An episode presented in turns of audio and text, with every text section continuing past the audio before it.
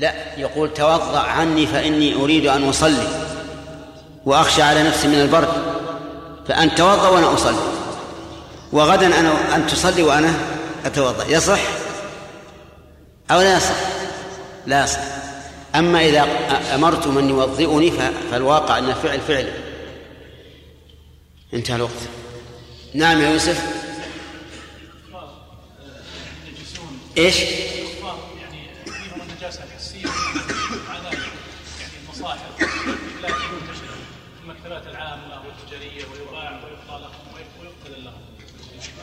والله غلط هذا هذا غلط. ولا يرد على هذا أن الرسول كتب إلى هرقل يا أهل الكتاب تعالوا إلى كلمة سواء بيننا وبينكم لأن هذه آية في كتاب. نعم. العمل إنهم يمنعون. قال إما أن تسلم وإلا فلا تمس القرآن إلا من وراء حائل. غلط. غلط ما يجوز. ابدا ما يجوز.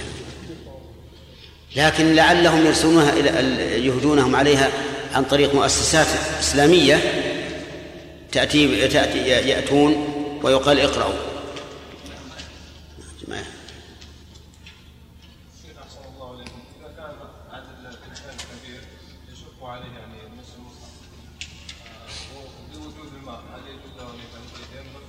هذه مسألة ما هي مشكلة يا أخي. لأن مس المصحف المراد مباشرة مس وبناء على ذلك لو لبس قفازين أو جعل منديلا يحول بينه وبين مس المصحف جاز ذلك. ها؟ صعوبة من ناحية الطلاب إما أن يضيع الوقت في الوضوء لأن ليس كل الطلاب يتوضأ نعم. وإما أن يترك الطالب بدون والله بعض العلماء يقول إن الصغير يدخل في قوله صلى الله عليه وسلم رفع القلم عن ثلاثة وأنه لا يلزم الوضوء لمس المصحف. وعلى كل حال نحن نقول كما يقول العامة اكرب وجهك وارخل يديك. لا تمهلونهم مرة ولا ولا تلزمونهم إلزام كامل. شيخ طلاب الثانوي لا الثانوي يلزمون. بالغ العاقل لأنه شيخ يحصل الاعتراض فإما الدرس 45 دقيقة ما يخالف. يقال تلزم بأن و و وإلا نعم. يقال تلزم اليوم لكن غدا إذا جيت غير متوضي حرمناك من الدرس. وإذا وإذا إذا رأوا العزيمة سهل عليهم هل يحق أن يضع المعلم درجة الوضوء كترهيب ما يخالف ما يعاقبهم بس لابد ينذرهم قبل. نعم. نفي القبول تضمن وجهين. نفي للصحة وليس نفي للصحة الضابط فيه ما ذكرنا الضابط يا جماعة؟ الضابط في كون نفي القبول نفي للصحة أو أو أو ليس كذلك؟ قلنا إذا كان نفي القبول لاختلال واجب أو فعل محرم في العبادة فهو نفي للصحة نعم بعض المذاهب الذين يقولون الرجل اذا لبس المراه اذا حصل في الطواف إيش؟ اذا حصل في الطواف إيش؟ أعد السؤال موقف بعض المذاهب الذين يقولون اذا الرجل مس المراه وضوءه اذا كان في الطواف هذا اولا قول ضعيف يعني يكون الإنسان مجرد ما يمس المرأة ينتقض وضوءه ضعيف بل لو لمسها لشهوة فالصحيح أنه لا ينتقض وضوءه ما لم يحدث ثم عاد تأتي المسألة الثانية هل يشترط في الطواف الوضوء أو لا الصحيح أنه ما في شيء لو مسها حتى ولو مسها بشهوة فإن كانت زوجته فهذا ليس موضع الشهوة وإن كانت أجنبية فهذا أشد وأقبح كيف؟ كيف؟ من رد عليه؟ ما دام المسألة ما في دليل يا أخي. ما فيها دليل. جارك يقول انتهى الوقت. قدم طيب ولا يصلي هو بها. هل نسمح يا حمد اللي يصلي؟ ما يسمح له. الحج كله. كم يا أنت. المهم أعطنا قاعدة يا حمد. أنت من, رجال الهيئة. ها. عدم جواز هذه واحدة. فإن أبوا إلا أن يحجزوا. فإذا حضرت ي... إيه بس. أنت م... لا أبد. إذا إذا حضرت إذا حضرت فكل إنسان يجلس في المكان الفاضي حتى لو صاحبه يصلي صح؟ توافق على هذا؟ قدموا يا جماعة قدموا هنا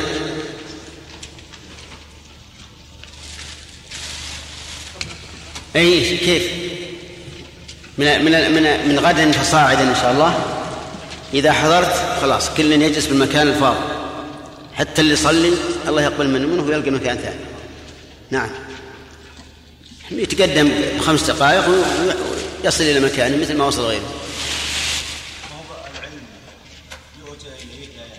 بلى. إلا. تقدمون شوي يعني. طيب. إن شاء الله هذا حكم أصبت فيه.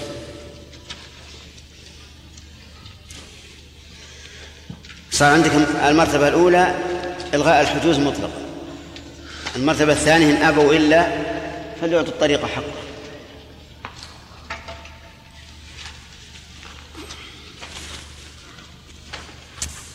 الله. سم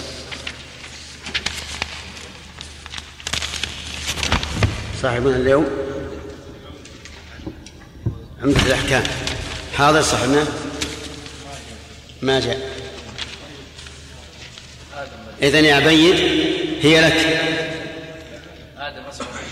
ها؟ آدم هو الاسبق موجود؟ طيب موجود هو أنا خابر في واحد من الرياض ما حضر. خلاص يلغى. يلغى امتيازه. يسحب منها الامتياز. طيب. إلى من؟ إلى آدم؟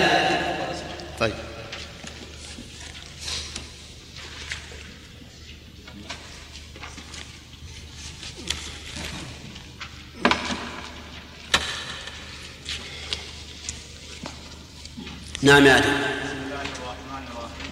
الحمد لله رب العالمين. والصلاة والسلام رب العالمين محمد صلى الله وعلى آله كيف والصلاة والسلام على نبينا محمد صلى الله عليه وسلم؟ تكرار هذا. قلت في الأول والصلاة والسلام. ما حاجة للتكرار.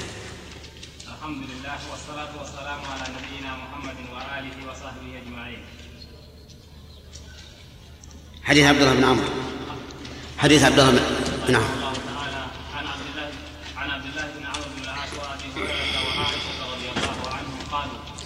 قال رسول الله صلى الله عليه وسلم ويل للعقاب من النار.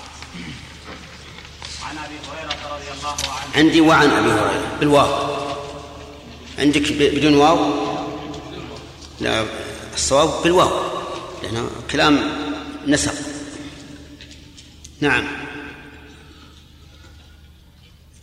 أن رسول الله صلى الله عليه وسلم قال إذا توضأ أحدكم فليجعل في أنفه ماء ثم لينتثر ومن استجمر فليوتر.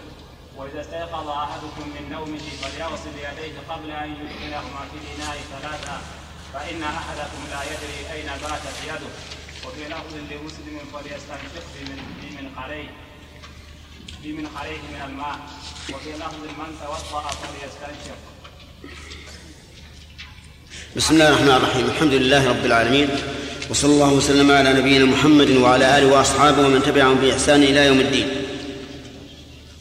سبق لنا ان نفي القبول ينقسم إلى قسمين نفي للصحه ونفي للكمال وان شئت فقل ونفي لما يقابل به من السيئات وسبق لنا ان جميع الصلوات لا بد فيها من وضوء لعموم صلاة أحدكم وصيغة العموم فيها أنه مفرد مضاف وكل مفرد مضاف فإنه للعموم.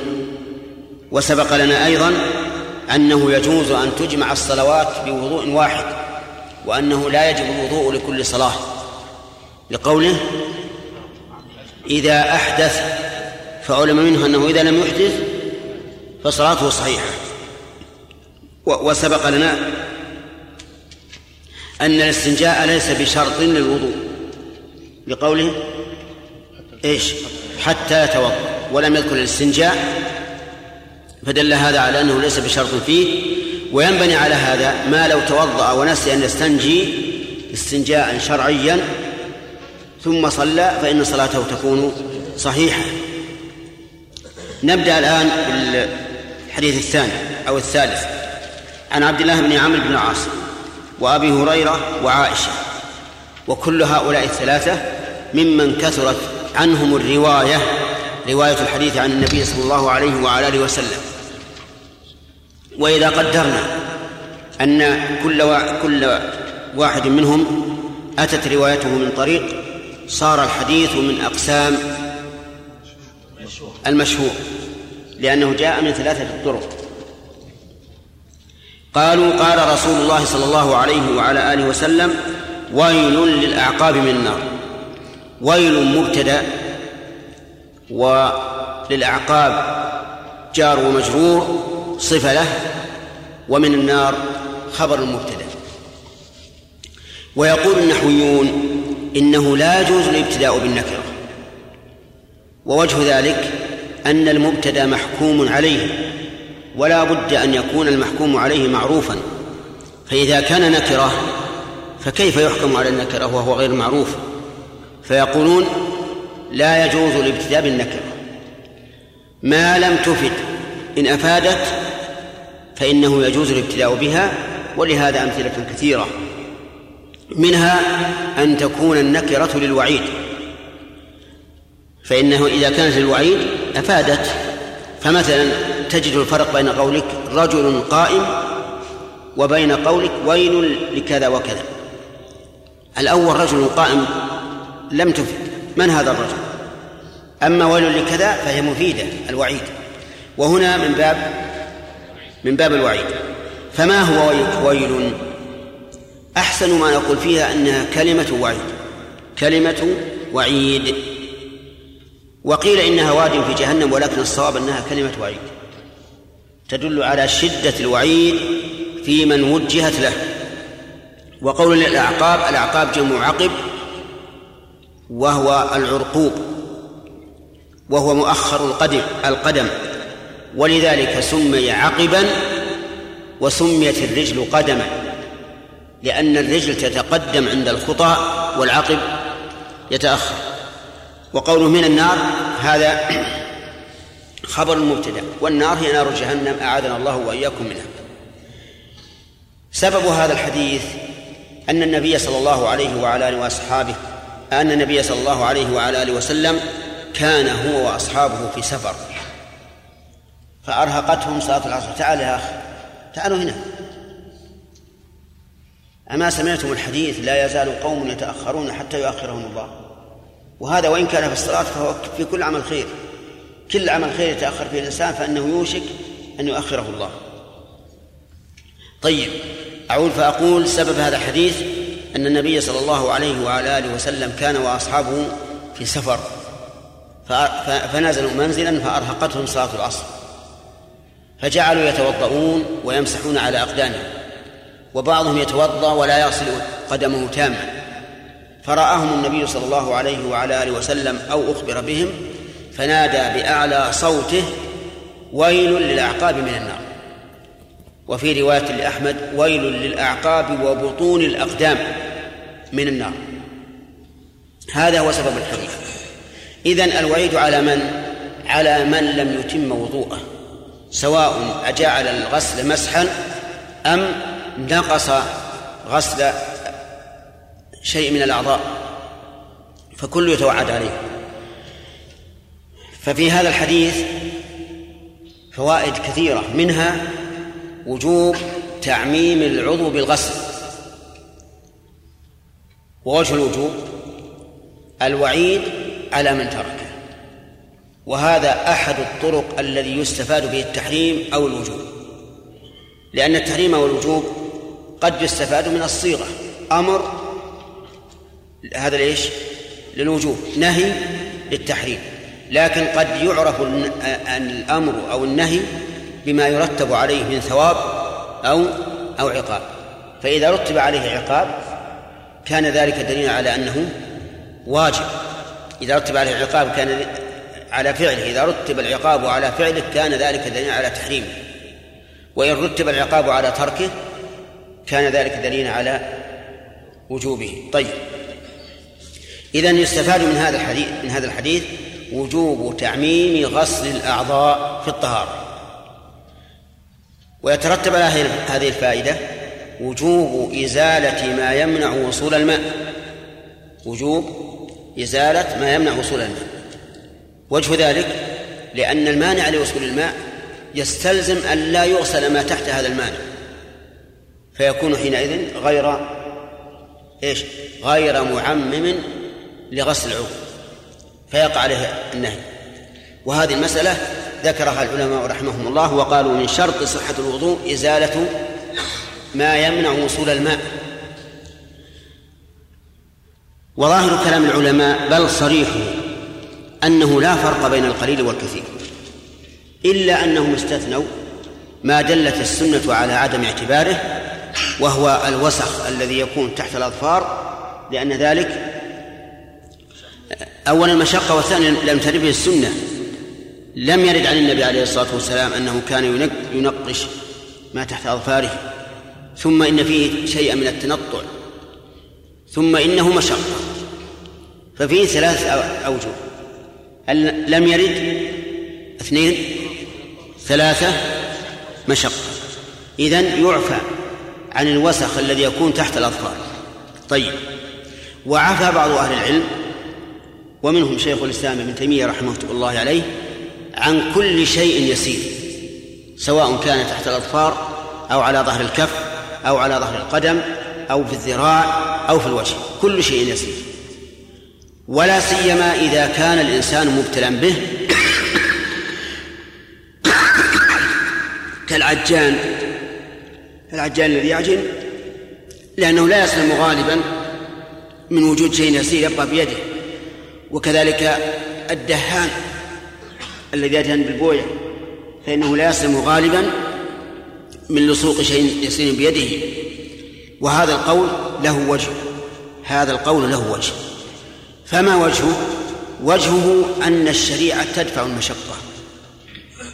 الشريعة تدفع المشقة لقول الله تبارك وتعالى وما جعل عليكم في الدين من حرج ومعلوم أن الذي يمارس مثل هذه الأمور التي يكثر وقوعها يشق عليه جدا أن يلاحظ يلاحظ هذا. فما قاله شيخ الإسلام وجيه في من يبتلى بذلك أي في من يبتلى بكونه يمارس أشياء آه، يحصل منها ما يحول بين الماء ووصوله إلى البشر. فيكون هذا القول راجحا.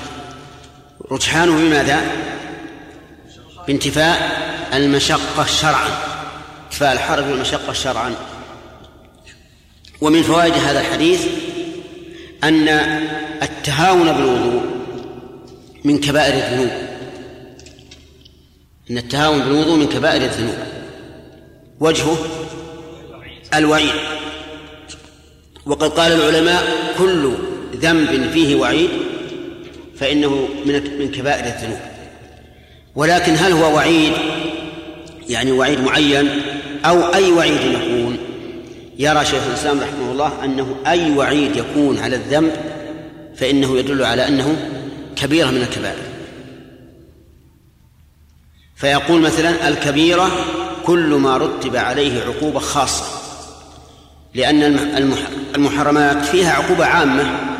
نقول كل محرم يعاقب عليه الإنسان لكن إذا قيل من فعل كذا فعليه كذا أو انتفى منه كذا أو ما أشبه ذلك فهذه عقوبة خاصة على هذا الفعل الخاص فيدل على أنه من كبائر الذنوب لتخصيصه بالعقوبة. واضح عبد الله؟ إذن ما هو الكبيرة؟ كل ذنب رتب عليه عقوبة خاصة. طيب إذا مسجلك زين ولا فيه بلاء؟ مسجلك فيه بلاء ولا لا؟ كأنه أشغلك. ها؟ يمشي زين؟ شوف. يمكنه ما أفطر اليوم. ناظر. يمشي؟ زين. طيب إذن هذه الفائدة أن التهاون بشيء من أعضاء الوضوء من كبائر من كبائر الذنوب. ومثل ذلك يقال في الغسل. ومن فوائد الحديث إثبات النار إثبات النار لقوله من النار. فهل النار موجودة الآن؟ وهل هي تبقى أو تفنى؟ فيقال في الجواب النار موجودة الآن لقول الله تبارك وتعالى واتقوا واتقوا النار التي أعدت للكافرين أعدت. والصيغة هنا ماضوية فتكون الآن موجودة. وكذلك جاءت السنة بأن النبي صلى الله عليه وعلى آله وسلم رآه وكذلك في القرآن النار يعرضون عليها غدوا وعشيا ويوم تقوم الساعة أدخلوا آل فرعون أشد العذاب. والأدلة في هذا كثيرة على أن النار موجودة الآن. وهل هي ثانية أو باقية؟ نقول هي باقية. ولا شك عندنا فيها في ذلك. والقول بأنها فانية قول شاذ ضعيف. ولولا أنه قيل لكان الكلام فيه من لغو القول وكتابته من زيادة المشقة. نقول إنها باقية أبد الآبدين بقول خالقها جل وعلا. قال الله تبارك وتعالى في سورة النساء إن الذين كفروا وظلموا لم يكن الله ليغفر لهم ولا ليهديهم طريقا إلا طريق جهنم خالدين فيها أبدا. وهذا صريح. وإذا كان الباقي خالدا أبدا فمكانه؟ ها؟ باق أبدا. وإلا كيف يخلد الإنسان أبدا في شيء يفنى؟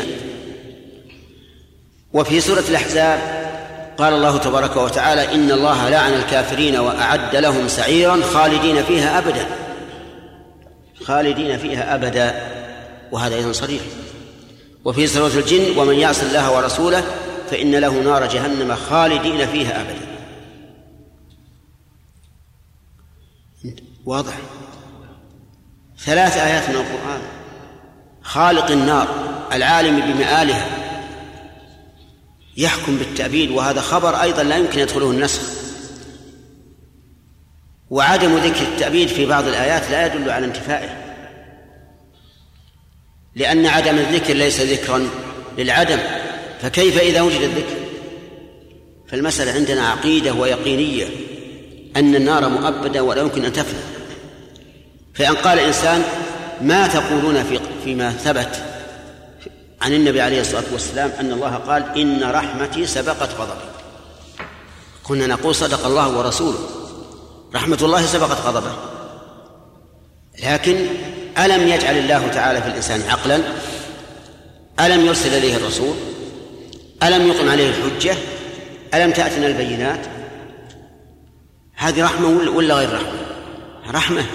نعم لو أن الله تعالى لم يرسل الرسل ووكل الناس إلى عقولهم. لكان تعذيبهم إياه تعذيبه إياهم غير رحمة. لكنه قال رسلا مبشرين ومنذرين لئلا يكون للناس على الله حجة بعد الرسل.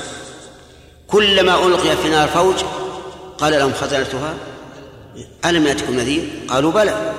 قد جاءنا نذير فكذبنا وقلنا ما نزل الله من شيء إن أنتم إلا في ضلال كبير.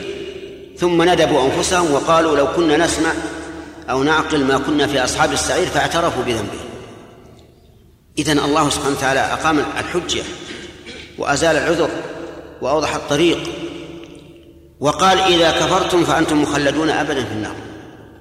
فقالوا بلسان الحال والمقال نختار ذلك. نختار إيش؟ الكفر وأن يخلدوا في النار أبدا وهذه الأدلة. فأي فأي انتفاء للرحمة وقد قامت الحجج والبينات. إذن نقول النار مؤبدة أبد الآبدين ولا إشكال عندنا في ذلك ولا وهو من من عقيدتنا. ورأيت تعليقا لشيخنا عبد الرحمن بن سعدي رحمه الله على كتاب ابن القيم رحمه الله تعالى في في القضاء والقدر والتعليل. لما ذكر القولين قال الشيخ رحمه الله عجبا لابن القيم أن ينصر هذا القول الضعيف ولكن لكل جواد كبوة. فجعل شيخنا رحمه الله عبد الرحمن بن سعدي جعل هذا من كبوات ابن القيم. وصدق رحمه الله. يعني أنا أتعجب من كون ابن القيم رحمه الله ينتصر لهذا هذا الانتصار. مع أنه ذكر هذا وهذا كعادته هو طويل النفس إذا ذكر المقارنة بين الأقوال. إذا قرأت القول الأول وأدلته قلت خلاص هذا هو الصواب. ثم إذا جاء القول الثاني وأدلته قلت هذا هو الصواب ثم بقيت في أرجوحه على كل حال نحن نعتقد وندين الله سبحانه وتعالى بما أخبرنا به في كتابه أن أهل النار مخلدون فيها أبدا وأن النار أبدية الوجود ولا تفنى. طيب ومن فوائد هذا الحديث أن العقوبة تتجزأ بحسب الذنب. كيف؟ لأنه قال ويل للأعقاب من النار. بعض العلماء يقول إن المراد أصحاب الأعقاب ويل للعقاب أي لأصحابها من النار. لأن العاقب نفسه لا لا لا, لا يهدد بالعقوبة. لكن هذا القول ضعيف من وجهين. الوجه الأول أنه مخالف لظاهر اللفظ. فالنبي صلى الله عليه وعلى آله وسلم يقول ويل للأعقاب. لا سيما إن صحت الكلمة الأخرى وبطون الأقدام. فإنه واضح بالتجزئة. ويل للأعقاب. فكيف يقول الرسول صلى الله عليه وعلى آله وسلم ويل للأعقاب ونحن نقول ويل لأصحاب الأعقاب؟ هذا إخراج لللفظ عن عن ظاهره. ولا ولا, ولا يقبل. الوجه الثاني أن كون الوعيد يقع على ما حصلت به المخالفة هو تمام العدل. هو تمام العدل والله عز وجل حكم عدل فإن قال قائل والعقب إذا تألم تألم بقية الجسد لقول النبي صلى الله عليه وسلم مثل المؤمنين في توادهم وتراحمهم وتعاطفهم كمثل الجسد الواحد إذا اشتكى منه عضو تداعى له سائر الجسد بالحمى والسهر. قلنا نعم لكن تألم الجسد لتألم عضو من أعضائه ليس كتألمه كله. يعني لو كانت الجروح قد ملأت الجسد فإنه أشد ألما مما لو كان الجرح في موضع واحد ولا شك. كذلك النار إذا أصابت العقاب ليست كما إذا أصابت جميع البدن. ثم قال المؤلف رحمه الله في الحديث الثاني عن أبي هريرة رضي الله عنه أن رسول الله صلى الله عليه وعلى آله وسلم قال إذا توضأ أحدكم فليجعل في أنفه ماء ثم لينتثر ومن استجمر فليوتر وإذا استيقظ أحدكم من نومه فليغمس فليغسل يديه قبل أن يدخلهما في الإناء ثلاثا فإن أحدكم لا يدري أين باتت يده. وفي لفظ فليستنشق بمن خريه من الماء وفي لفظ من توضأ فليستنشق. قوله إذا توضأ أحدكم هل معناه إذا فرغ من الوضوء؟ أو إذا أراد الوضوء؟ أو إذا شرع في الوضوء؟ نعم. الثاني ثم أين يكون موضع ذلك؟ بينته السنة. بينته السنة. لكننا نجزم أنه ليس المعنى إذا توضأ إذا فرغ كما هو ظاهر اللفظ. وحينئذ نقول التأويل هنا جائز لأنه بدليل. ولاحظوا يا جماعة إذا قال لنا أهل التعطيل في باب الصفات أنتم تؤولون ثم أتوا لنا بأمثلة. نقول لهم نحن لا ننكر التأويل الذي هو صرف صرف الكلام عن ظاهره. لا ننكره لكن ننكر التأويل الذي ليس عليه دليل. فهمتم؟ أما التأويل الذي له دليل فهذا تفسير تفسير صحيح. فلا فلا يرد علينا ما يريدونه علينا من أجل أن يقنعونا بما هم عليه من الباطل فنداهنهم أو لأجل أن يقيموا الحجة علينا حتى نكون مثلهم. طيب إذا توضأ شرع في الوضوء ومحل ذلك معلوم بالسنة. فليجعل في أنفه ماء وهو كناية عن المضمضة. والمضمضة كما في أنف أنا طيب. فليجعل في أنفه ماء. فليجعل في أنفه ماء ثم لينتثر آه، نعم. فليجعل في أنفه ماء يعني يضع في أنفه ماء. ولكن تأتي الألفاظ الأخرى فيقول فيها فليستنشق. فليستنشق. والاستنشاق هو أن يحاول الإنسان إدخال الماء من أنفه. وقالوا ثم لينتثر أي ينثر هذا الماء. وهذا معروف لا حاجة إلى أن يوضح بشرح. ومن استجمر فليوتر. استجمر أي أزال الخارج من السبيلين بالجمار وهي الحصى الصغار. لكن ليست الحصى التي كالذي يرمى بها آه، الجمارات في الحج لكن حصى صغار بالنسبة للأحجار الكبيرة. استجمر بمعنى أزال أثر الخارج من السبيلين بإيش؟ بالجمار وهي الأحجار. فليوتر أي فليجعلها وترا. وقد بينت السنة ما سنذكر إن شاء الله. وإذا استيقظ أحدكم طيب ما هو الوتر؟ الوتر كل ما لا ينقسم على اثنين. كل شيء لا ينقسم على اثنين فهو وتر. وكل شيء ينقسم على اثنين؟ فهو شر طيب. وإذا استيقظ أحدكم من نومه استيقظ أي صح من النوم فليغسل وقوله من نومه مفرد مضاف فيعم كل نوم. وقوله فليغسل يديه قبل أن يدخلهما في الإناء ثلاثا. اللام في قوله فليغسل اللام للأمر. ولهذا سكنت ولام الأمر تسكن إذا وقعت بعد الواو والفاء وثم. إذا وقعت بعد الواو والفاء وثم. قال الله تبارك وتعالى من كان يظن أن لن ينصره الله في الدنيا والآخرة فليمدد بسبب إلى السماء ثم ليقطع. هذه الفاء وثم. ثم وقال تعالى ثم ليقضوا تفثهم وليوف هذه الواو وثم. إذا وقعت إذن إذا وقعت لام الأمر بعد هذه الحروف الثلاثة فإنها تسكن وإذا وقعت لام التعليل بعد هذه الثلاثة فإنها تكسر. ولهذا يخطئ من يقرأ قول الله تعالى ليكفروا بما آتيناهم وليتمتعوا. إذا كان يريد لام كي أما إن كان يريد لام الأمر ننظر هل هل قراءة لا لكن إذا كان يريد لام التعليل فإنه يجب أن تكسر. قال آه، قبل أن يخلما في الإناء ثلاثا. ثلاثا هذه مفعول مطلق. عاملها قوله يغسلها. يعني غسلا ثلاثا.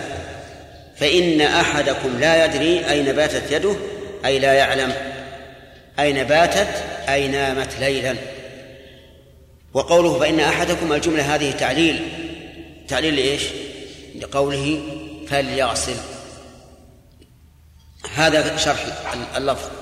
أما معناه فمعروف وأما فوائده ففيه فوائد.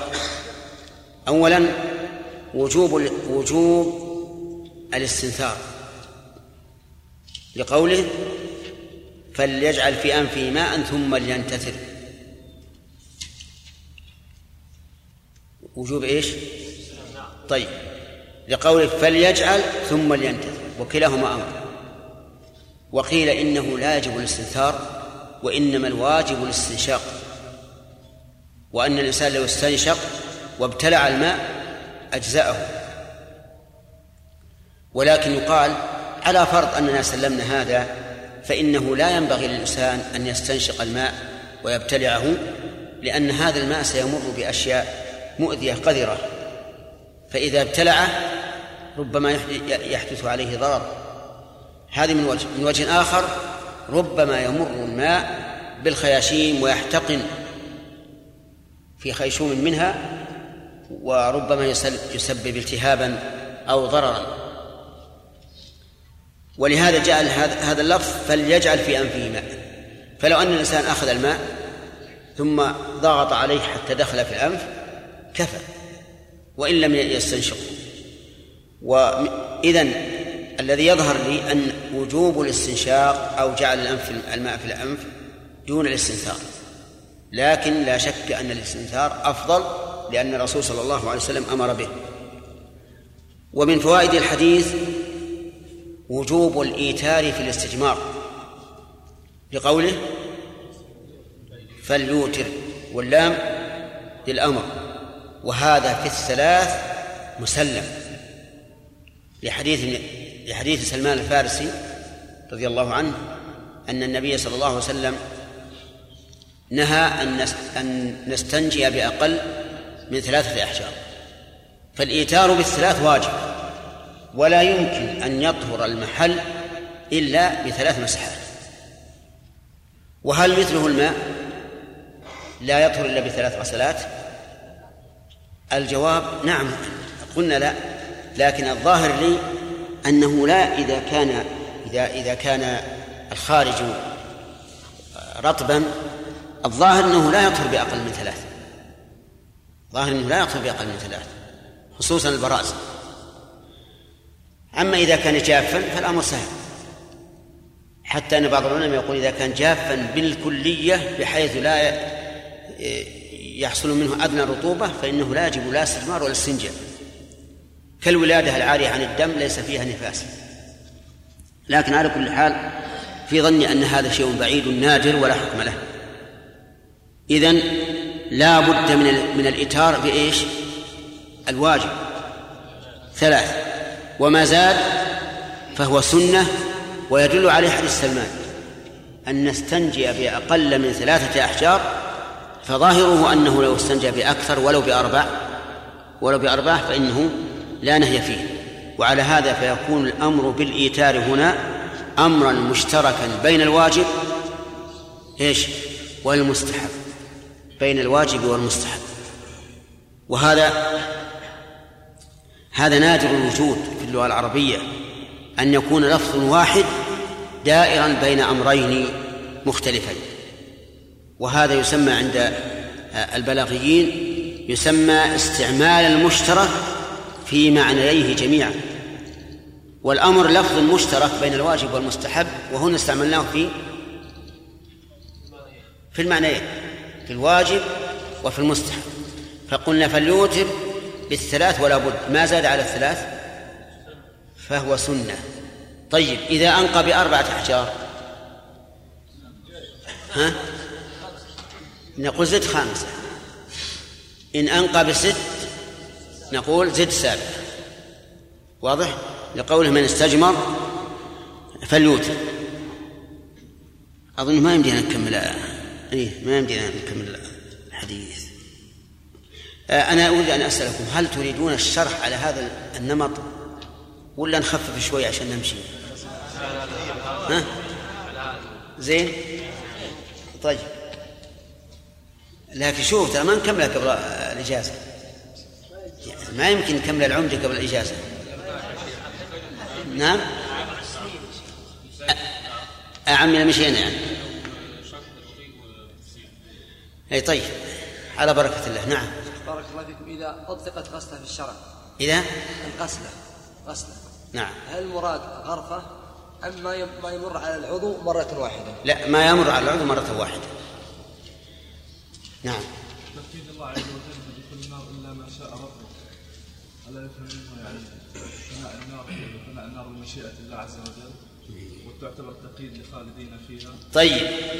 بارك الله فيك. ما معنى إلا ما شاء ربك؟ هل هو تقييد للخلود أو تقييد لقوله ما دامت السماوات والأرض؟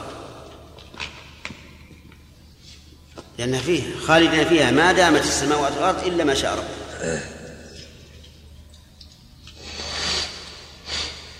عجب ولا قل يحتمل هذا وهذا. إذا صار من المتشابه.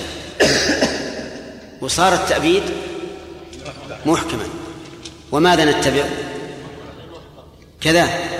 خذها بيدك هذه وأنا قلت لكم دائما إذا جاء الدليل محتملا وعندنا دليل واضح يحمل المحتمل على الواضح؟ هذا طريق أهل العلم. وقلت لكم أن الله سبحانه وتعالى له حكمة في أن يجعل بعض النصوص مشتبهة حتى يمتحن العبد هل يأخذ بهذه المشتبهات أو يأخذ بالمحكمات؟ فأما الذين في قلوبهم زيغ فيتبعون ما تشابه منه. أفهمت الآن؟ طيب. قد يقول قائل إنه في الجنة قال خالدين فيها ما دامت السماوات والأرض إلا ما شاء ربك عطاء غير مجدود فصرح بأنه غير مجدود غير منقطع. اصبر عبد الله شفتك. إن ربك فعال لما يريد. قلنا نعم هذا هذا ما تقتضيه حكمة الله عز وجل بهذا التعبير. لأنه لو لما كان خلود أهل الجنة عطاء وفضلا تمدح الله بذا به أنه غير مقطوع دائم لكن في النار لما كانت عقوبة وانتقاما من المجرمين لم يذكر ذلك بل قال إن ربك فعال لما يريد ومن فعله لما يريد أن إيش؟ أن يخلد هؤلاء أن يخلد هؤلاء. والله عز وجل في مقام الانتقام لا يصرح أحيانا بما يضاف إليه عز وجل. وفي مقام العطاء والفضل هو كرم واضح. انظر إلى قول الجن وعندهم أدب. في بعض الأحيان الجن يكونون طيبين. عندهم أدب. قالوا وأنا لا ندري أشر أريد بمن في الأرض. أم أراد بهم ربهم رشدا. تعبير عجيب. يعني الإنس يمكن ما يعبرون هذا هذا التعبير. نعم. وأنا لا ندري أشر أريد. ما أضافوا الشر إلى الله؟ أم الرشد؟ قالوا أم أراد بهم ربهم رشد. لأن الجن بعضهم مؤدب مهذب. فلما حضروه قالوا أنصتوا وتأثروا بذلك لما قضي ولوا إلى قومهم منذرين ثلاث فوائد أولا تآمروا بالإنصات أو تواصوا بالإنصات الثاني لم يقم أحد منهم قبل انقضاء الحديث وش بعد وش ماذا قال؟ فلما إيش؟ فلما قضي لما قضي. ما راحوا قبل ينتهي الدرس. بقوا. حتى انتهى. الثالثة أنهم تأثروا بذلك. ودعوا إليه. ولوا إلى قومهم منذرين ثم ذكروا ما, ما سمعوا. آه، المهم إن أني أقول إن الله قال إن ربك فعال لما يريد لأن المقام مقام انتقام. مقام انتقام. فذكر الله إن ربك فعال لما يريد. نعم عبد الله. عبد الله هذا وعدناه. يعني مسوغ الكتاب الوعي. أي نعم. لو لم الوعي ألا يكون الوصف أيضا بها؟ وين؟ أي نعم. نعم وهذا أيضا مسوغ ثالث. ويجوز أن أن يوجد سببان لمسبب واحد. كالفقير والمؤلف الزكاة. أي لكن ما هو موجود. سم بالله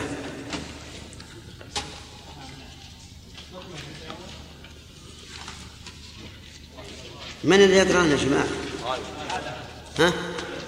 آدم؟ ها؟ اي طيب بسم الله الرحمن الرحيم الحمد لله رب العالمين وصلى الله وسلم على نبينا محمد وعلى آله وأصحابه أجمعين في حديث أبي هريرة إذا توضأ أحدكم فليجعل في أنفه ماء هذا هو خلصنا من إيش؟ ها؟ يعني بدأنا بالفوائد الآن؟ طيب. وجوب وجوب الثلاث طيب. بسم الله الرحمن الرحيم. من فوائد الحديث وجوب الإيتار في الاستجمار وقد سبق أن الواجب أن الوتر الواجب هو الثلاث وما زاد فسنة من فوائد الحديث أنه لا يجوز بل أنه يجب أن يغسل الإنسان يديه إذا قام من النوم قبل أن يدخلهما في الإناء ثلاث مرات. لقوله وإذا استيقظ أحدكم من نومه فليصل يديه قبل أن يدخلهما في الإناء ثلاثة. وهل هذا النوم خاص بنوم الليل أو بنوم الليل والنهار؟ من نظر إلى عموم اللفظ قال إنه عام. ومن نظر إلى تعليل الحكم قال إنه خاص. طيب. العموم إذا استيقظ أحدكم من نومه ونوم مفرد مضاف فيشمل كل نوم. التعليل فإن أحدكم لا يدري أين باتت يده يقتضي أنه خاص بنوم الليل. وهذا هو الظاهر. أنه في نوم الليل يجب أن يغسلها قبل إدخال الإناء ثلاثا وأما في في نوم النهار فلا يجب لكن ينبغي أن يفعل احتياطا. وإنما خصصناه بنوم الليل لأن لأن العلة تقتضي ذلك. ولأن الليل هو محل خروج آه، المؤذيات لبني آدم من الشياطين وغيرهم. ومن فوائد هذا الحديث إطلاع النبي صلى الله عليه وسلم على علم الغيب الذي لا يعلمه أحد من الناس.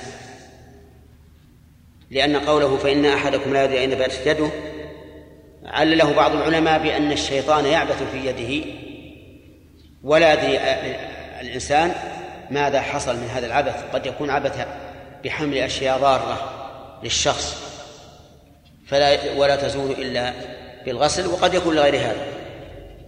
ومن فوائد هذا الحديث وجوب الاحتياط. وجوب الاحتياط. وجهه أن الرسول صلى الله عليه وعلى آله وسلم أمر بالغسل احتياطا لأن قوله فإن أحدكم لا يدري أين باتت يده يدل على أن هذا على سبيل الاحتياط وإلا لكان التعليل فإن يد أحدكم تبيت في كذا. واستدل بعض العلماء بهذا الحديث على وجوب تجنب الثوب المشكوك في نجاسته. على وجوب تجنب الثوب المشكوك في نجاسته وأنه لا يلبس حتى يغسل. قال لأن قوله لا يدري أين باتت هذا مثله. ولكن هذا غير صحيح. وذلك لأنه لولا ورود النص في هذه المسألة لكان الأصل عدم وجوب الغسل. والثوب لم يرد به نص بأننا إذا شككنا فيه وجب علينا غسله بل الأمر بالعكس. فإن النبي صلى الله عليه وعلى آله وسلم شكي إليه الرجل يخيل إليه أنه أحدث فقال لا ينصرف حتى يسمع صوتا أو يجد ريح. وعلى هذا فإذا شككنا في نجاسة الثوب فالأصل فيه بقاء الطهارة حتى نتيقن أنه تنجس. حتى لو غلب على ظنك أنه تنجس فالأصل الطهارة. وهذا ربما يحدث للإنسان إذا تبول على أرض صلبة ثم أصاب ساقه رشاش. فإنه يقول إذا أصاب ساق الرشاش فسوف يصيب السروال. نقول لكن الأصل إيش؟ الأصل الطهارة وعدم الإصابة. ودليل ذلك أن نقول الآن أصاب ساقك أصاب نقطة في جزء من الساق والباقي؟ الباقي لم لم يصبه شيء. إذا فثوبك؟ إيش؟ لم يصبه شيء. مثل الباقي الذي بقي من الساق. والمسألة ما فيها إشكال لكن الشيطان قد يأتي بعض الناس ويوسوس له. يقول إذا أتى ساقك فلا بد أن يكون أتى سروالك أو ثوبك. نقول هذا غير صحيح. هذه قاعدة فاسدة. نقول ها هو الآن هذه الرشاش وقعت على محلها المعين وباقي الساق. إيش؟ لم يصبه شيء. إذا ثوبك اجعله كباقي الساق. واطرد الوساوس عنك. لا تستولي عليك فتهلك. طيب من من فوائد الحديث اعتبار الثلاث. اعتبار الثلاث. وهناك أعداد اعتبرها الشرع. اعتبر الثنتين والثلاث والأربع والخمس والسبع. نعم. وقد طلبت بعض الإخوة أن يحصر لي الأحاديث الواردة في في حصر الثلاث. مثل ثلاث من كنا فيه كان منافقا خالصا وما أشبه ذلك. فجمع أحاديث كثيرة فيها ذكر الثلاث. نعم. إذن العدد الثلاثي له اعتبار في الشرع. حتى حتى الاستئذان إذا استأذنت كم تستأذن؟ ثلاث مرات. إن أذن لك ولا فرجع كذا. طيب هذه جملة اعتراضية كما يقولون. الجرس هل كل دقة منه تعتبر إذنا؟ كل دقة؟ يعني لا يصد كم ذولي حسب الجرس. ها؟ إذا كان كل دقة معناه الغمزة الواحدة يمكن تكون عشرين دقة. ها؟ ها؟ يعني إذن الغمزة تعتبر استدام كذا؟ طيب يجي بعض الناس ويضع يده على الزر له نص ساعة. نعم؟ نخليه واحدة أو ما جرت به العادة. آه ما جرت به العادة. صحيح. ما جرت به العادة. فعلى هذا نقول إن إذا استأذنت ثلاثا فإن أذن لك وإلا فرج. الحمد لله. هذه من نعمة الله على على أهل البيت وعلى المستأذن. نعم. نعم. أي قرع الباب. أي. ما تقولون في هذا؟ القرع. هذه وحده. طيب. كم هذا ما يصير. حجوا لنا حد عشان نعرف. العرف أيضا؟ طيب مشي نعم. أي نعم. التلفون الظاهر هو الآن يعني يستمر. هل نقول إذا إذا إذا تركناه حتى يقف فهذه وحده؟ أو نقول إذا دق ثلاث مرات وهو يفصل كما تعرفون يفصل. الظاهر لي أنه إذا دق ثلاث مرات فهو فاصل. لكن جرت العادة الآن أنما أنه إذا بقي حتى انقطع الناس لا يقولون هذا آذان يعني لا يجعلونه أذية ولا يجعلونه إزعاجا. أليس كذلك؟ إذا كانوا لا يرون إزعاجا فلا بأس أن يترك حتى يتوقف ولا بأس أن تعيد أيضا لأن في عهدنا اليوم الناس لا يهتمون إذا إذا كررت الزهد. فأظن إن شاء الله أنه لا بأس به أظن أنه لا بأس به. مثل ما لو صوتت رفيقك لصاحبك في أرض الفلاة صوت يا فلان يا فلان يا فلان. ما جاوب. تسكت؟ نعم. لا ما تسكت. ما تسكت. تكلم. لأنه قد يسمعك في, في لا يسمعك في الأول ويسمعك في الثاني. لكن الاستئذان جعل ثلاثا لئلا يزعج من؟ لئلا يزعج أهل البيت. لئلا يزعج أهل البيت فإذا علمنا أنه جرت العادة أنه لا إزعاج في مسألة التلفون حتى ولو كرر فإنه لا بأس. نعم. قال وفي لفظ لمسلم فليستنشق بمنخريه من الماء. هذا بيان لمعنى الاستنشاق. وإلا فلا يختلف عما سبق. وقوله في لفظ لمسلم وفي رواية الظاهر أن الفرق بين اللفظ والرواية. أنه إذا كان في الروايات تدور على شخص واحد. يعني مثلا يتفق الرواة في التابعي والصحابي. فهذا يسمى لفظا. لأن الرواة اختلفوا في اللفظ الذي نقلوه عن هذا التابعي وأما إذا جاء من طريق مستقل فهذا يسمى يسمى رواية. مثل يكون حديث أبي هريرة جاء من طريقين. جاء من طريقين غير متفقين. إلى التابع غير متفقين. ما اتفقوا إلا في أبي هريرة هذا يسمى رواية. أما إذا كان اختلاف عن أحد الشيوخ في أثناء السند فهذا لفظ هذا اللي يظهر. وفي لفظ من توضأ فليستنشق. طيب هذا اللفظ الأخير مثل قوله في الأول إذا توضأ أحدكم فليجعل في أنفه ماء ثم لينتثر. لأنه لأن الانتثار يكون بعد بعد الاستنشاق. ثم قال وعن أبي هريرة رضي الله عنه أن رسول الله صلى الله عليه وعلى آله وسلم قال لا يبولن أحدكم في الماء الدائم الذي لا يجري ثم يغتسل فيه. لا يبولن الجملة نهي ولكن الفعل لم يجز لم يجزم لأنه متصل بنون التوكيد والفعل المضارع إذا اتصل بنون التوكيد يكون مبنيا على الفتح. وقوله في الماء الدائم فسره بقوله الذي لا يجري وقوله ثم يغتسل فيه بالرفع على أنها جملة استئنافية أي ثم هو يغتسل فيه. وقيل إنها بالنصب ثم يغتسل فيه فتكون ثم بمعنى مع يعني لا يبول مع الاغتسال. هذا الحديث فيه النهي عن بول الإنسان في الماء الدائم الذي لا يجري ثم يذهب يغتسل منه. أو يغتسل فيه. لماذا؟ لأن هذا فيه من التضاد ما هو ظاهر. كيف تبول فيه والبول نجس ثم تذهب؟ تتطهر فيه. هذا التناقض وربما يكون الماء قليلا فإذا بال فيه الإنسان تغير. فيغتسل في ماء متغير نجس.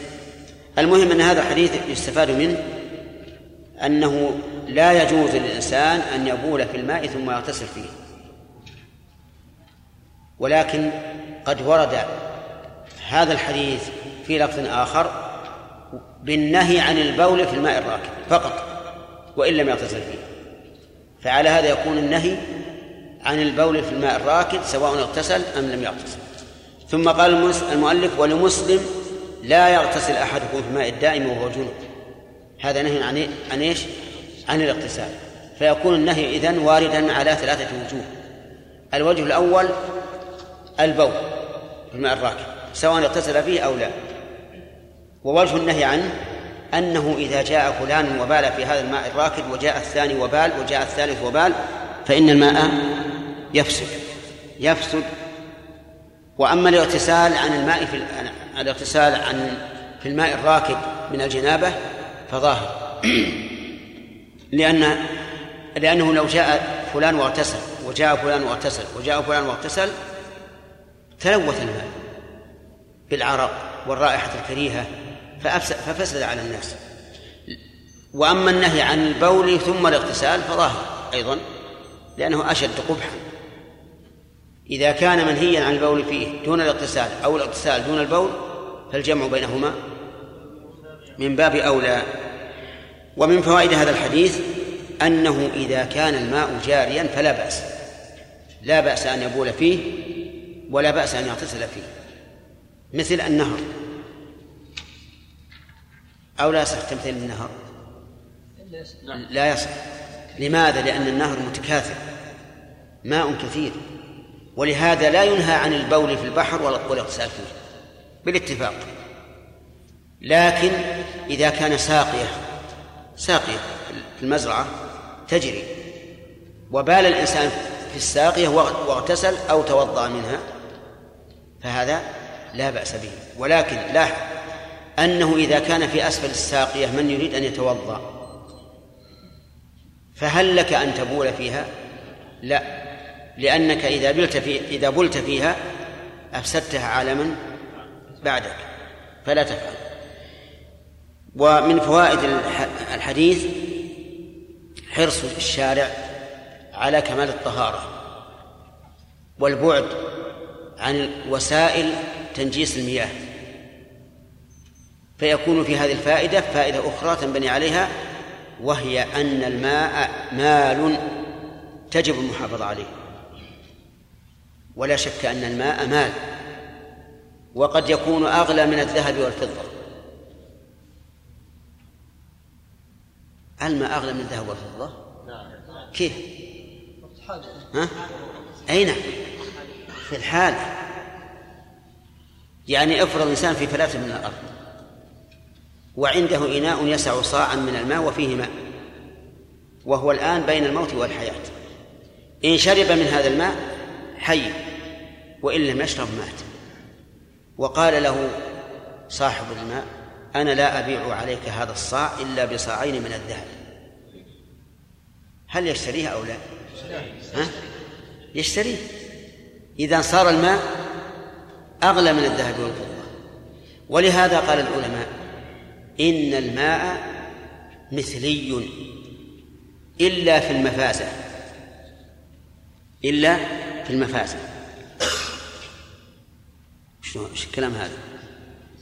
الكلام هذا يعني لو أخذت القربة قربة الماء منك نعم وأرقتها وأرقتها أنا ماذا بماذا أضمنها لك؟ بملئها ماء لكن لو أخذت منك القربة في مفازة وشربتها لما وصلنا البلد قلت تعال لك القربة يجزي ولا ما يجزي؟ ما يجزي هذا غير غير متقوم يقال كم تساوي القربة في تلك المفازة؟ قالوا تساوي 100 ريال لكن القربة في البلد تساوي ريال واحد فتعتبر القيمة في مكانها فالماء مثلي إلا في المفازة فتعتبر وش المعتبر يا عبد الله؟ أي نعم يعني وش نتكلم فيه؟ المفازة إذا كانت المفازة وش اللي؟ ولا يضمن أي تمام. طيب. إذا كان الماء متمولا وكان له قيمة شرعا فإنه لا ينبغي لنا أن نسرف في في التصرف فيه. كما يوجد من بعض الناس الآن الإسراف التام وعدم ملاحظة الحباسات في الماء.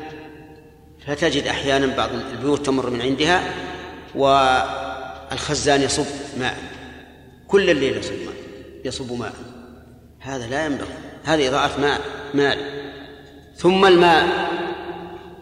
الجوفي والحمد لله يعني فيه نوع من الأمان لكن السطحي الذي يكون من المطر هذا ما في شك فيه الشح عظيم. لأنه قليل في الغالب ثم لو تأخر المطر نضب الماء لكن أكثر الناس يقول هذا ما ما يسوى شيء؟ ما هو ما له قيمة. وهذا غلط. ثم قال وعن أبي هريرة رضي الله عنه أن رسول الله صلى الله عليه وسلم قال إذا شرب الكلب في إناء أحدكم فليغسله سبعا ولمسلم أولاهن بالتراب. وله في في حديث عبد الله بن مغفل أن رسول الله صلى الله عليه وعلى آله وسلم قال إذا ولغ الكلب في الإناء فاغسلوه سبعا وعفروه الثامن بالتراب. إذا شرب وإذا ولغ يدل على أن الولوغ هو الشرب. هو الشرب. لكن شرب الكلب شرب خاص يشرب بطرف لسانه. يعني ليس يضع كل فمه بالماء ويعب. لا يشرب بطرف لسانه وينقل الماء من الإناء إلى فمه. هذا هو الولوغ والكلب المراد به الجنس. فيشمل جميع الكلاب حتى الكلاب المأذون فيها تدخل فيها. بل لو قيل إن دخول الكلاب المأذون فيها من باب أولى لكان لكان أولى. لأن الغالب أن الذي يماس الناس هي الكلاب المأذون فيها. طيب. وقوله في الإناء.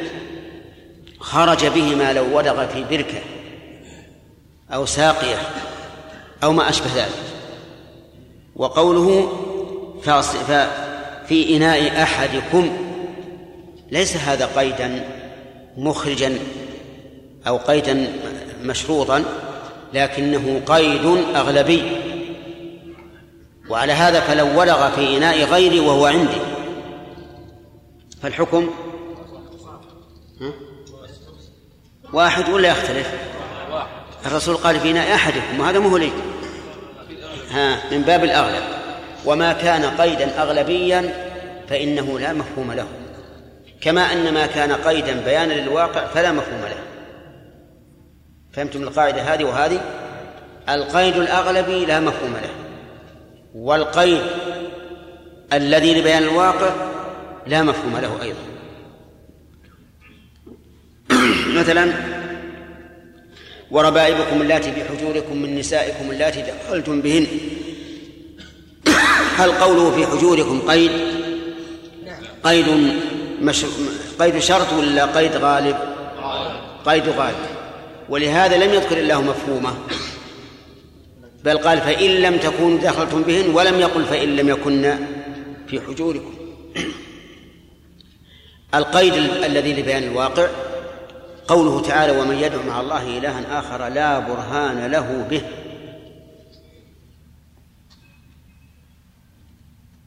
هل هذا لبيان لا برهان له به هل يدل على أن الآلهة التي من دون الله منها ما له ما, ما به برهان ومنه ومنها ما لا برهان له ما لا برهان به؟ لا لكنه لبيان الواقع. يا أيها الذين آمنوا استجيبوا لله وللرسول إذا دعاكم لما يحييكم. لما يحييكم هل يفهم من ذلك أنه لو دعانا لما لا حياة لنا به فلا نجيبه؟ لا. لأنه لا يدعون لما لا لما لا حياة لنا به. فالمهم انتبهوا لهاتين القاعدتين كل قيد لبيان الواقع فلا مفهوم له. كل قيد لبيان الأغلب فلا مفهوم له. كل قيد للمبالغة فلا مفهوم له. إن تستغفر لهم سبعين مرة. وتسعين؟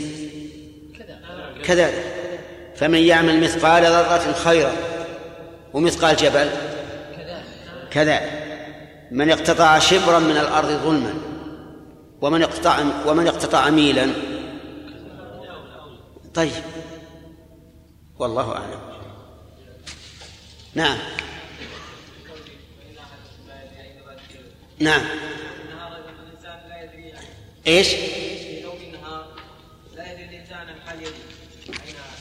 إي لكن كلمة باتت البيتوتة لا تكون إلا في الليل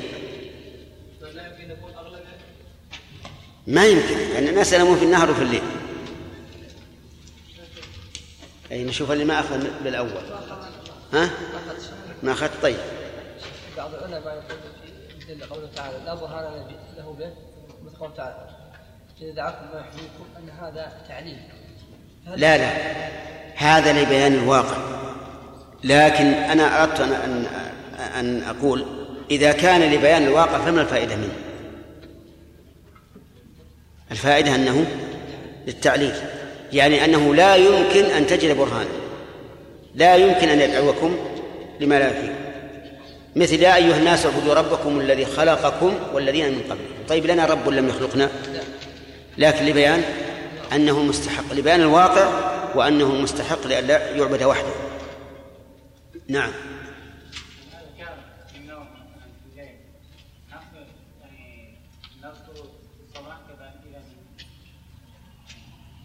الآيتان في النوم؟ ها؟ نعم. أذكار النوم الظاهر أنها في نوم الليل أيضا. لكن إذا ذكرها الإنسان في نوم النهار فحسن ما تضره. ما أظن. أنا أنا أرى أنها في في نوم الليل فقط. لكن في نعم. أي أنت سلام. سلام. نعم.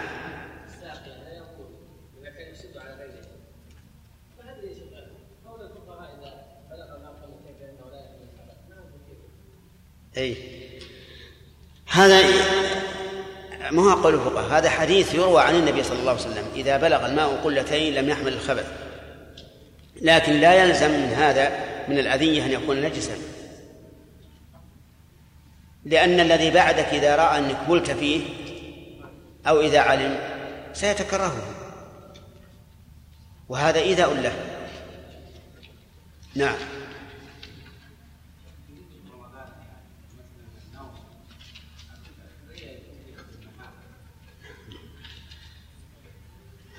أي نعم. لكن لو نمت في النهار في رمضان هل يقال بت؟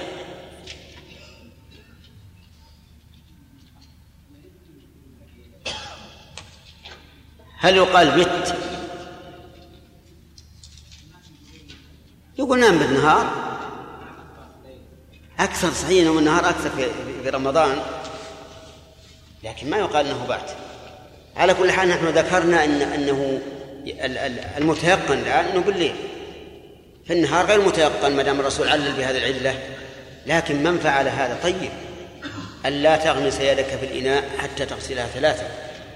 كذلك أيضا أمر الرسول صلى الله عليه وسلم إذا نام الإنسان أن يستنثر ثلاثا فإن الشيطان يبيت على خيشوم هذا في صلاة هذا في نوم الليل.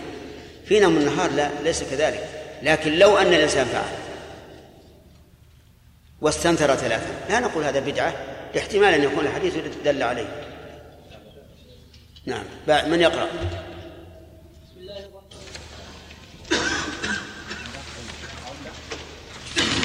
اقرأ.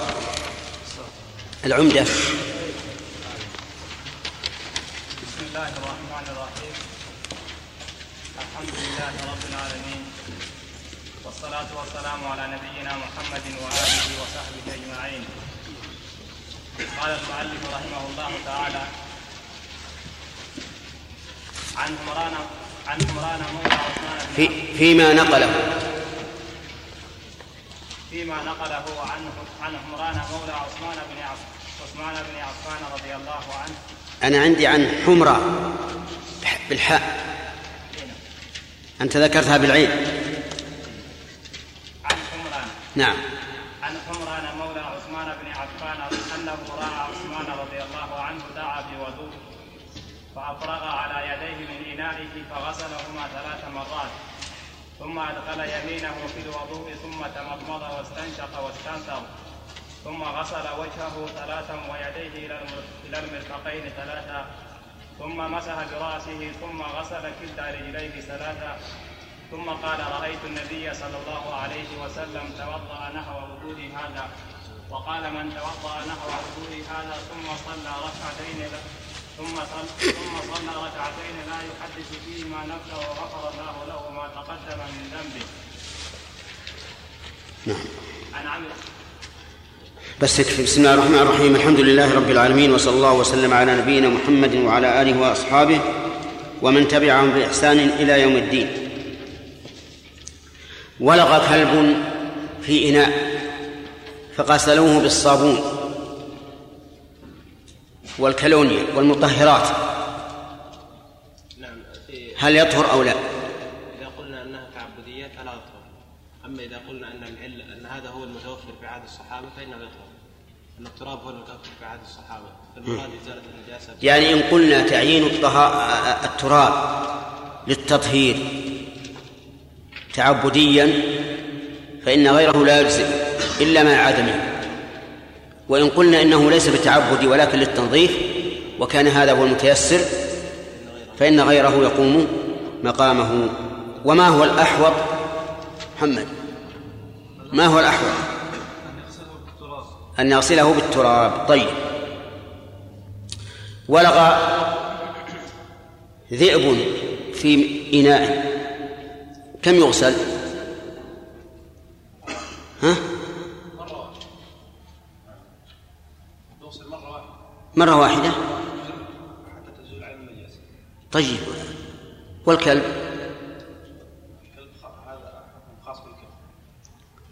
هذا خاص بالكلب؟ طيب. ولغ كلب صيد في إناء.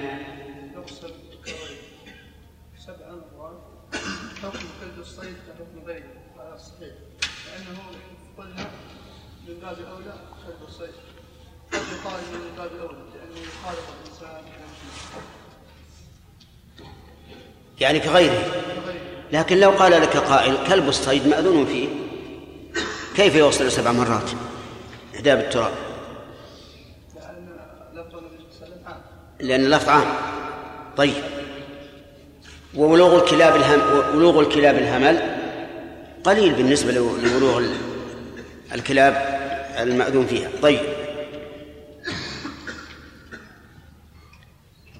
هل يغسل سبعا أو ثمانيا؟ كيف تجيب عن قوله عفروه الثامنة بالتراب؟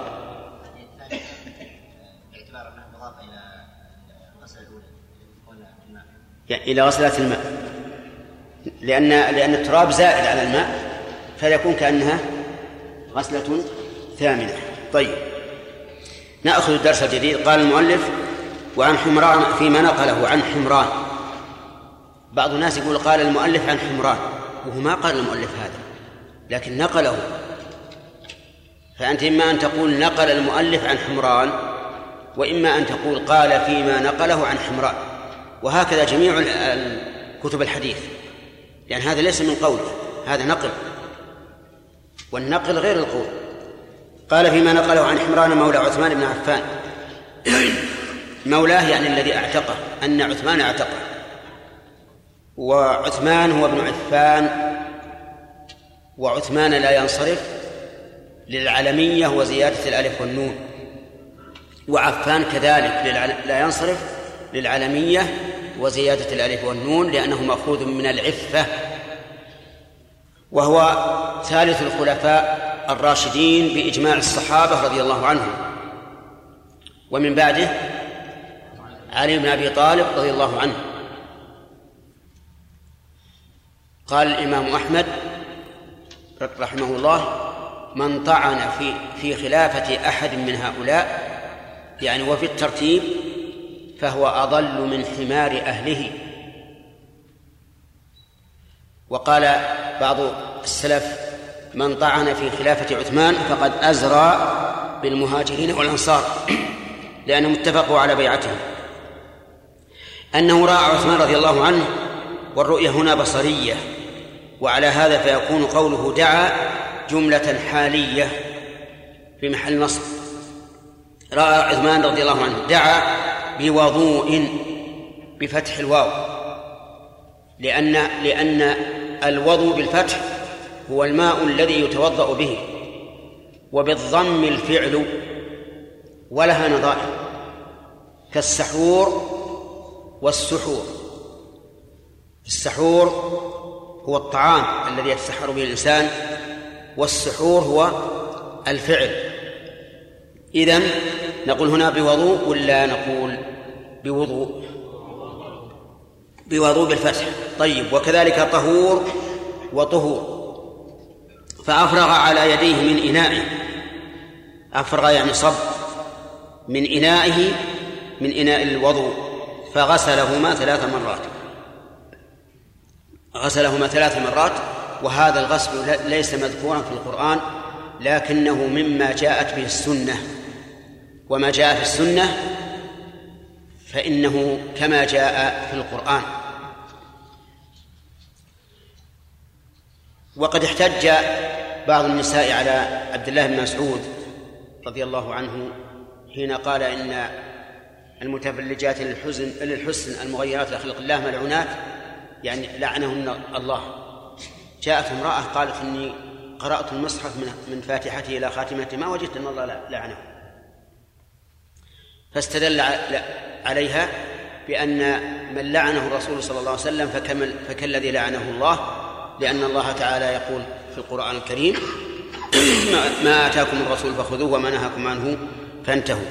وعلى هذا فنقول إنه وإن كان هذا الغسل لم يأتي بالقرآن لكنه جاء في السنة وجاء في القرآن الإيماء إلى أنه مشروع.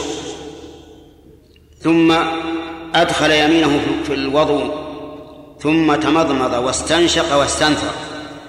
هذه ثلاثة أفعال. تمضمض أدخل الماء في فمه وأداره فيه. استنشق جذب الماء بنفس إلى داخل الأنف. استنثر أخرجه بنفس إلى خارج الأنف نعم.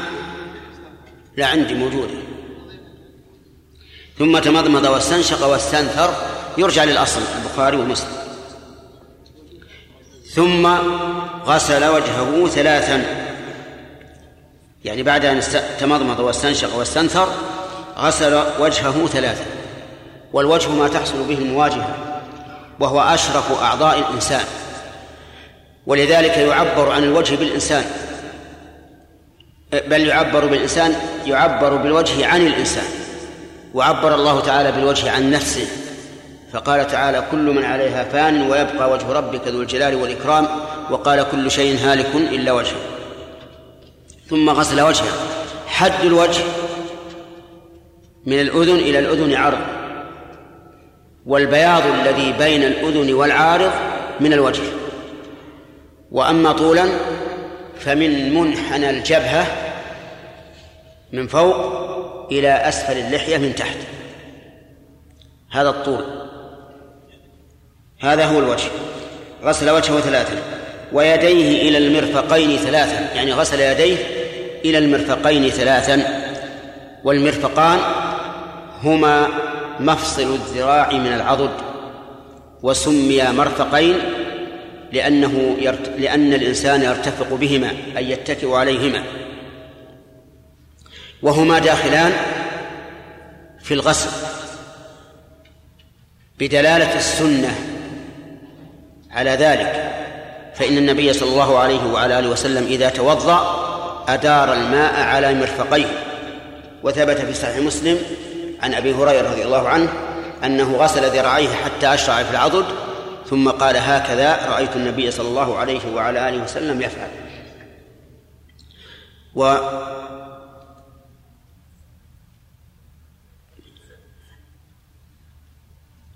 ثلاثة أشياء في اليد مفاصل.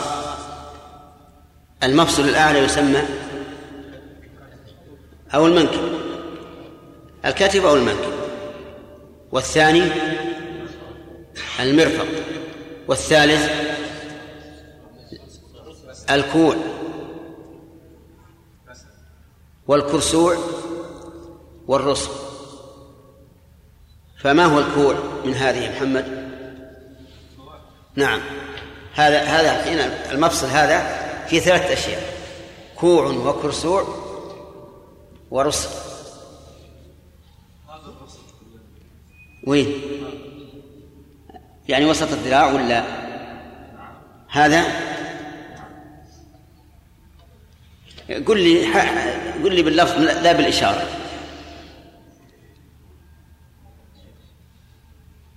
أين الكسوع؟ ما تعرف كوعك من كرسوعك هذا يا محمد مثل يضرب في جهالة الإنسان. وغباوة الإنسان أنه لا يعرف كوعه من كرسوعه. طيب ما في أحد يعرف الكوع من الكرسوع؟ طيب نبي من الضيوف. من الضيوف؟ ها؟ يلا. نعم. نعم. إيه. صحيح. صحيح. يقول الناظم وعظم يلي الإبهام كوع وما يلي لخنصره الكرسوع والرصغ ما وسط. وعظم يلي إبهام رجل ملقب ببوع فخذ بالعلم واحذر من الغلط. وما أكثر الذين يغلطون وما أكثر الذين لا يعرفون. طيب. عظم عظم يلي الإبهام كوع.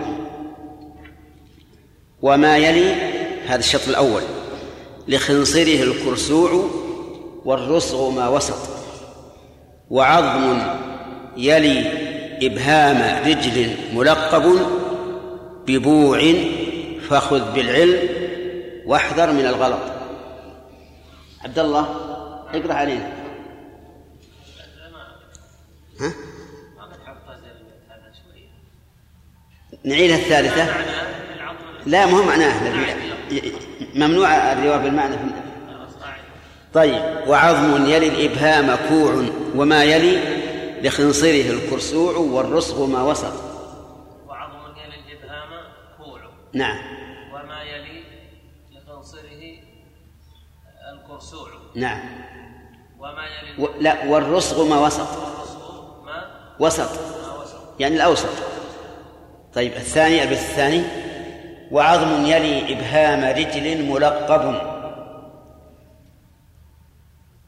وعظم يلي إبهام رجل ملقب. رجل. وعظم يلي إبهام رجل ملقب. ببوع. نعم. ببوع. ببوع نعم. فخذ بالعلم واحذر من الغلط. بالعلم واحذر من الغلط. طيب. وعظم يلي إبهام رجل نعم. ملقب. من لا لا تعيدها قد غلطت ثلاثة. بعد طيب الآن أرنا الكوع والكرسوع بيدك. الكوع هذا طلع منصور زين. هو إيه هو طرف الذراع. إيه.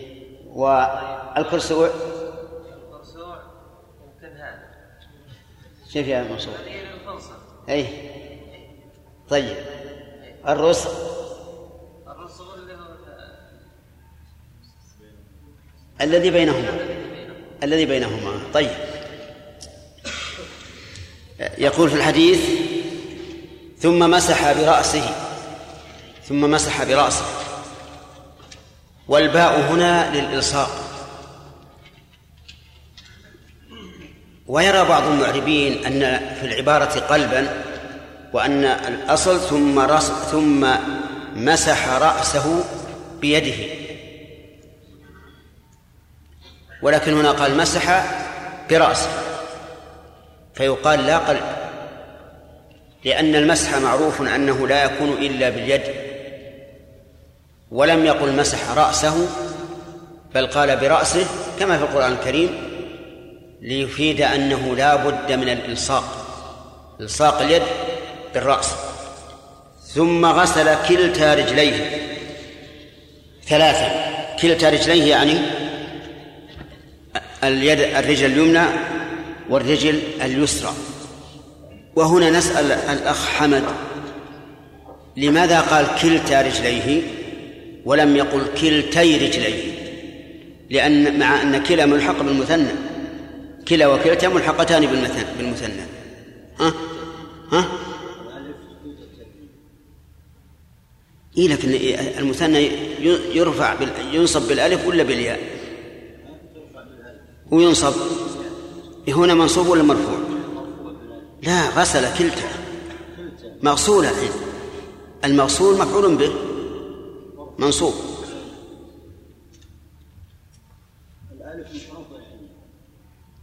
ليش؟ من حروف العلم لماذا لم ننصبها بالياء؟